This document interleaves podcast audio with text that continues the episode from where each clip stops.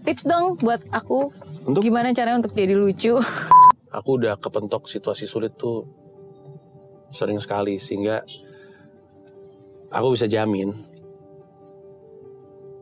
nanti lama-lama kita akan ngerasa buat apa gue menyerah ya. Jadi nanti kita akan menyerah untuk menyerah. Perkiraan aku, aku pikir 3.300 tiket tuh habis dalam waktu sebulan. Ternyata habis dalam waktu 3 jam. Wow. Udah berapa tahun nih berarti sampai sekarang? Stand up-nya. Iya. Dari 2010 sampai 2020, 10 tahun? World tournya. Oh kalau World Tour-nya dari 2014 pertama kali. Berarti berapa? 6? Dulu- Iya betul. 6 tahun. Betul. 6 tahun Masake Bangsaku juru bicara Pragi Waksono dan yang ini Komodo Domino World Tour itu yang keempat. Susah banget namanya ntar. Komoy de Moy. Astaga. Komoy Do Menoy. Menoy. Iya. Kenapa bikin nama susah-susah? Kan jadi nggak susah gitu untuk orang mau promo atau maksudnya Iya. Iya nggak sih orang Betul, betul. par- nama yang eh, biasanya pilih namanya simple-simple. Iya. Pertama itu artinya apa? Art itu bahasa Yunani artinya objek tertawaan. Itu istilah yang dipopulerkan Oh. Oke. sama uh, Aristophanes. Aristophanes itu adalah the father of comedy disebutnya. Dia itu Oke. orang pertama kali yang menggunakan komedi untuk Noel-Noel orang-orang so iye di kalangan masyarakat. Oh, oke. Oh, berarti komoy domenoy itu kayak komedi. Iya, komoy, objek tertawaan. Objek tertawaan. Oke. Aku pakai itu jadi judul karena eh 80% 75% topik yang dibahas di Komedi Menoy adalah soal ketersinggungan.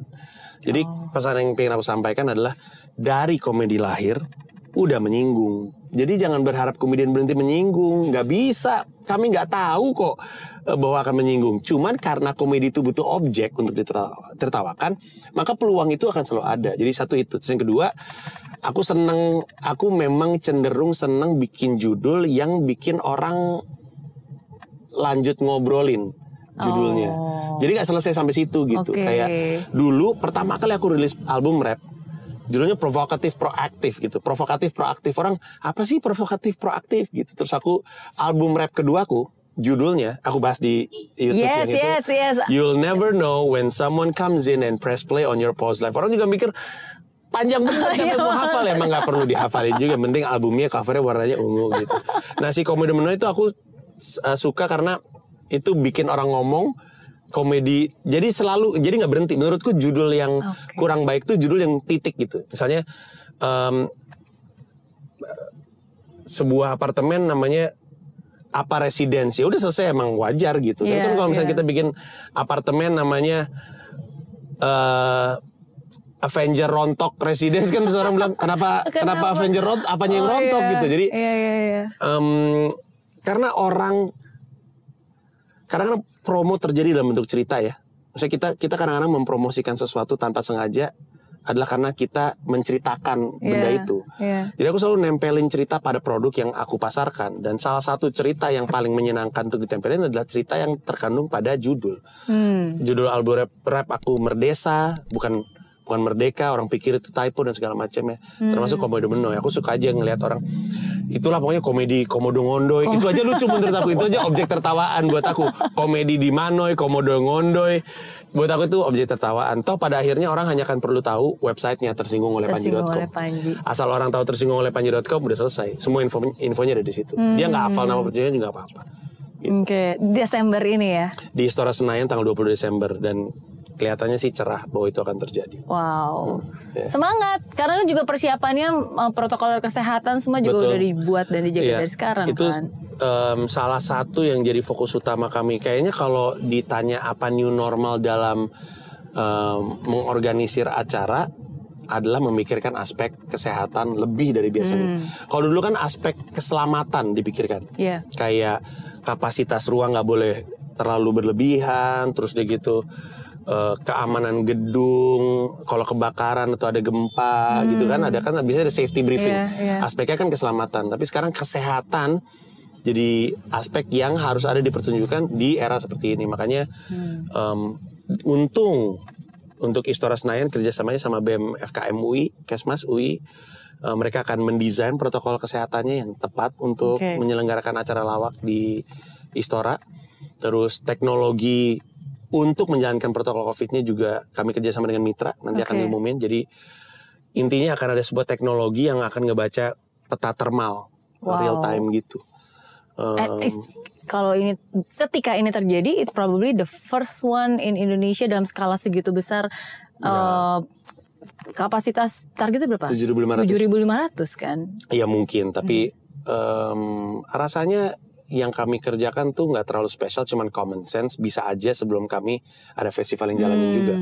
Yang pengen kami sampaikan adalah jangankan lu guys, gua juga mengkhawatirkan ini. Jadi gua mem- memastikan bahwa gua pengen selakan gue punya anak juga di rumah. Jadi gue pengen acara gue juga aman dari sisi covid. Jadi kalau gua aja ngerasa aman, calon penonton juga harusnya ngerasa aman. Dan kayaknya ya, kayaknya karena mereka percaya sama em, hal-hal yang kami lakukan kayak kerjasama dengan Kesmas UI terus udah gitu ada teknologi protokol COVID itu yang bikin kemarin penjualan tiket itu eh, sangat sangat cepat sih di atas perkiraan aku aku pikir Hmm. 3.300 tiket tuh habis dalam waktu sebulan Oh, ternyata habis dalam waktu tiga jam Wow. rasanya karena mereka nggak sih gue intinya Panji udah Percaya ngelakuin lah. apa yang Panji bisa. Betul. Panji juga, saya juga aku kan nggak akan nabrak izin ya. Iya. Aku kan akan berusaha untuk justru bikin ini supaya dapat izin. Iya. Dan kalau nggak dapat izin, aku bilang sama penonton, kalau nggak dapat izin, gue akan undurin kok, tapi nggak akan batal. Iya.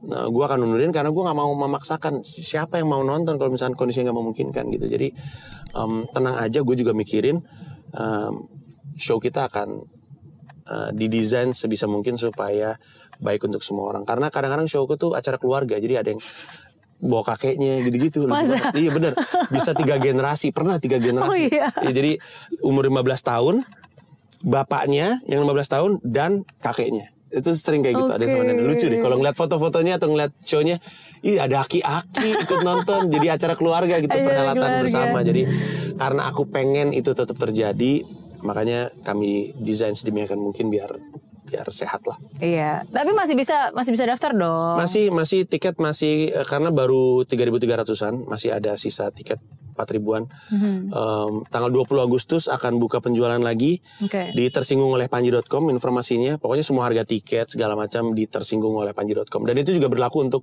semua kota. Oke. Jadi tanggal 20 Agustus itu bukan cuma Jakarta doang, ada Makassar, Denpasar, Balikpapan, dan Palu juga buka penjualan tiket Oke. di hari yang sama, tanggal yang sama. Berarti udah ada schedule-schedule roadshow-nya ya. Iya, iya. Termasuk Setelah juga diundur. setelah emang harusnya kapan? April harusnya.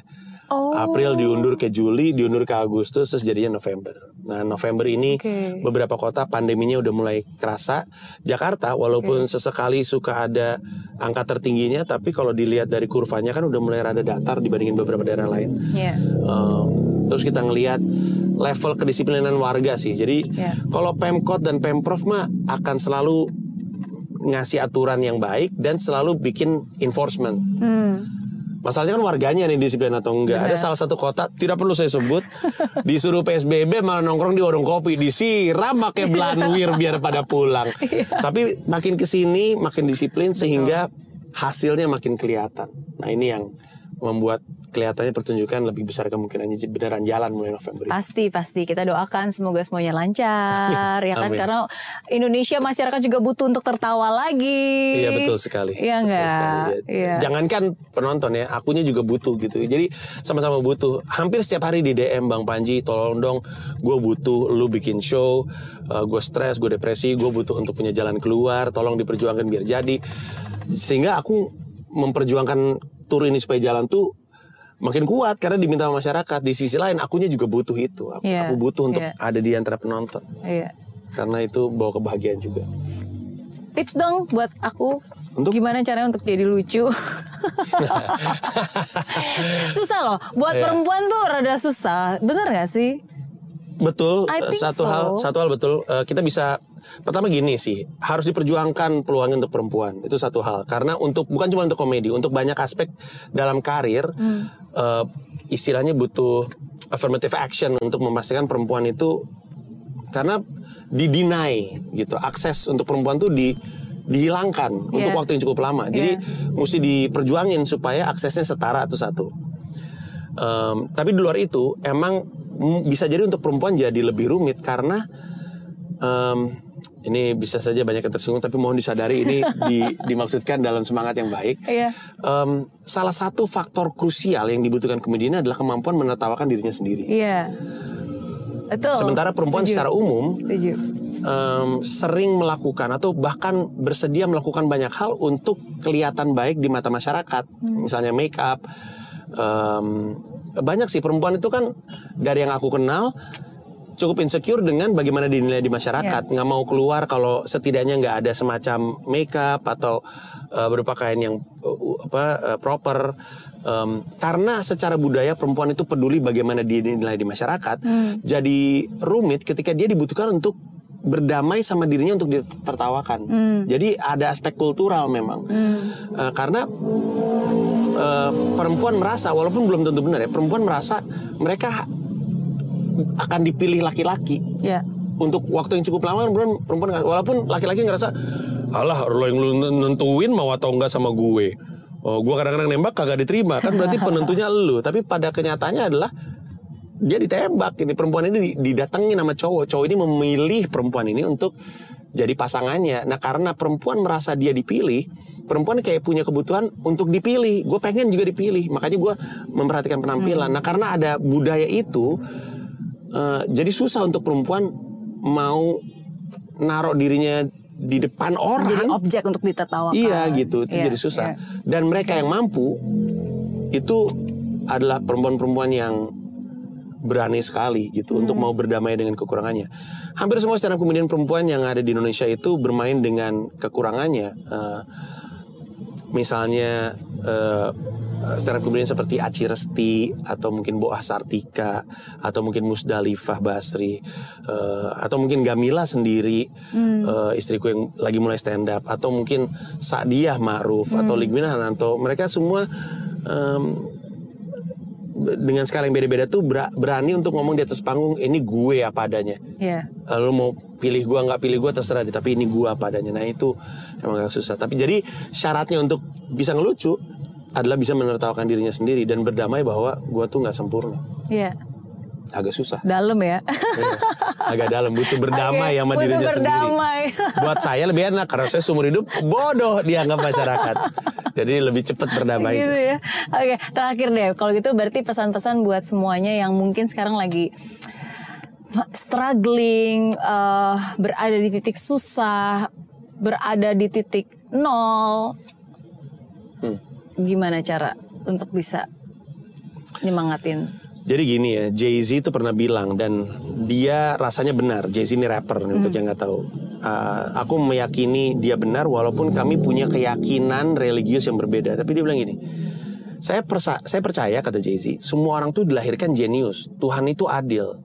Tapi pencarian kita jenius di bidang apa itu dikembalikan kepada kita. Nah, paling nggak enak adalah perasaan bahwa kita nggak diterima sama masyarakat, nggak tahu gitu, apa sih gue ini harusnya jadi apa sih? Itu tuh Iya. gampang sekali.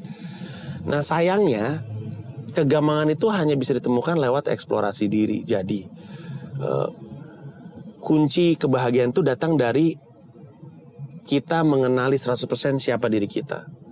Dan itu bukan sesuatu yang bisa kita lihat dari cermin atau dari menjalani keseharian. Pengalaman aku makin sering kita masukin diri kita ke posisi sulit, makin kita kenalan sama diri kita siapa. Jadi terdengar kontra intuitif, tapi kebahagiaan tuh justru datang dari keberanian kita melewati banyak kesedihan. Karena untuk mau bahagia kita mesti kenal kita siapa. Untuk kenal kita siapa, kita harus mau masuk ke dunia-dunia yang rumit, situasi-situasi yang sulit, yang mungkin resikonya sedih. Tapi ketika kita masuk ke situasi yang sulit, nggak punya orang lain untuk ditanya kecuali diri kita sendiri, di situ kita bertanya, gue tuh sebenarnya prinsipnya apa gitu. Ketika kita dihadapkan sama dua pilihan dan kita nggak bisa nanya sama orang lain, kita mesti milih siapa. Cuman kita yang bisa jawab. Di situ kita mulai nanya, oke, gue punya dua pilihan. Yang mana mesti gue pilih? Gue tuh sebenarnya maunya apa sih? Nah itu, gue tuh sebenarnya maunya apa? Yang kemudian membantu kita mengambil keputusan, yang membantu kita mengenal diri kita, yang membantu kita memahami siapa kita, dan kalau kita udah kenal kita siapa, baik dan buruknya, perjalanan menuju bahagia tuh lebih mudah. Gitu. Jadi em, berani-berani aja untuk masuk ke kondisi sulit dan kalau kondisi sulit datang tanpa kita minta bersyukur aja itu peluang yang nggak banyak orang punya Hmm. It's not easy, tapi once you are there, you know exactly betul uh, apa yang harus dilakukan. ya ya betul betul sekali Em, aku udah kepentok situasi sulit tuh sering sekali sehingga aku bisa jamin nanti lama-lama kita akan ngerasa buat apa gue menyerah ya? Jadi nanti kita akan menyerah untuk menyerah. Kebayang gak sih? Jadi mau nyerah aja udah nyerah gitu. Percuma gue nyerah buat apa gitu?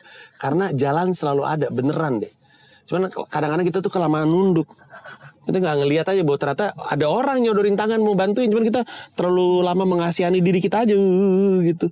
Orang gini dari tadi kita nggak sadar aja. Nggak denger kita karena kita hanya mau mendengar tangisan diri kita sendiri gitu. Jadi beneran deh em, selalu ada jalan keluar sih. Em, dan kalau misal kelihatannya jalan keluar belum ketemu kayak sumurnya juga gelap nggak kelihatan cahayanya atau guanya nggak kelihatan ujungnya em, selalu enak kalau punya orang untuk bersender atau berpegangan. Jadi cari orang itu untuk membantu kita. Jadi walaupun kita nggak tahu jalan keluarnya di mana setidaknya kita pegangan sama orang lain. Hmm. gitu. Okay. You're lucky to have that in your life. ya Iya makanya. Ya ya betul betul. Dan orang untuk berpegang itu bisa siapa pun ya. Maksudnya bukan pasangan saja bisa bisa bisa siapa pun. Temen adik saudara stranger. Bisa loh stranger artinya. Aku nih nggak punya siapa-siapa tapi aku follow seseorang di Twitter. Nggak saling kenal tapi gue berpegangan sama nih orang. Orang ini mungkin yang bisa membuat gue bertahan gitu. Jadi cari orang untuk nyender Thank you, thank you so much Panji Sama-sama. sudah berbagi cerita. sama-sama temanku anak Sanur Aku juga punya grup akapela loh waktu di Sanur. luar Aku biasa tadi dengerin Panji akapela ya, aku Luar di, di, biasa. di video kayak, wah aku ada bikin sendiri, ya Luar buat biasa. lucu-lucuan lah sama teman-teman dulu. Iya, Dulu luar namanya apa akapelanya? Ah, ah, damn, lupa juga. Lupa juga. Aduh. Nggak inget tapi Iya ya apa namanya Tapi waktu itu soalnya di Gonzaga Senior kami itu Jamaica Cafe Jamaica Cafe Oh sampai sekarang iya, berkarir. wow itu, Ya, keren banget, uh-uh, keren banget. Tren akapela Di Gonzaga Yes. Gede karena mereka Semua orang pengen jadi kayak Jamaica Cafe Iya, keren banget. Iya mereka keren banget sih bahwa mereka dari aku SMA sampai sekarang masih berkarir di dunia Sampai- sampai sekarang masih akapela ya? masih Wow. mereka dan masih keren. Aku masih hafal mereka mereka siapa aja, terutama Big. Ada satu namanya Big, paling lucu, paling serem, tapi lucu dia. Eh, tapi aku belajar banyak dari Panji hari ini bahwa ya, lingkungan kita tuh sangat membentuk ya. Hmm. Sangat sangat sangat membentuk. Dan of course even though it's not easy, sometimes pilihan itu juga bisa menentukan masa depan kita Ya, gitu. ya, Dan um, dan I will always remember your quotes yang tadi dari pesan dari ayah. Apa? Jangan Mi- pernah jangan membunuh pernah membunuh mimpi karena mimpi itu nggak akan pernah mati. Ya. Pingsan tapi suatu saat akan bangkit lagi Dalam bentuk penyesalan. dalam bentuk penyesalan. Oke, thank you sekali lagi Panji sudah bercerita. Sama-sama. Uh, saya selalu percaya setiap orang sukses punya cerita, setiap cerita itu pasti ada pengalaman berharga dan semoga cerita dari Panji hari ini bisa menjadi pengalaman berharga buat kalian semua. Amin. Apa pun yang terjadi, fight till the end and never give up. Yeay.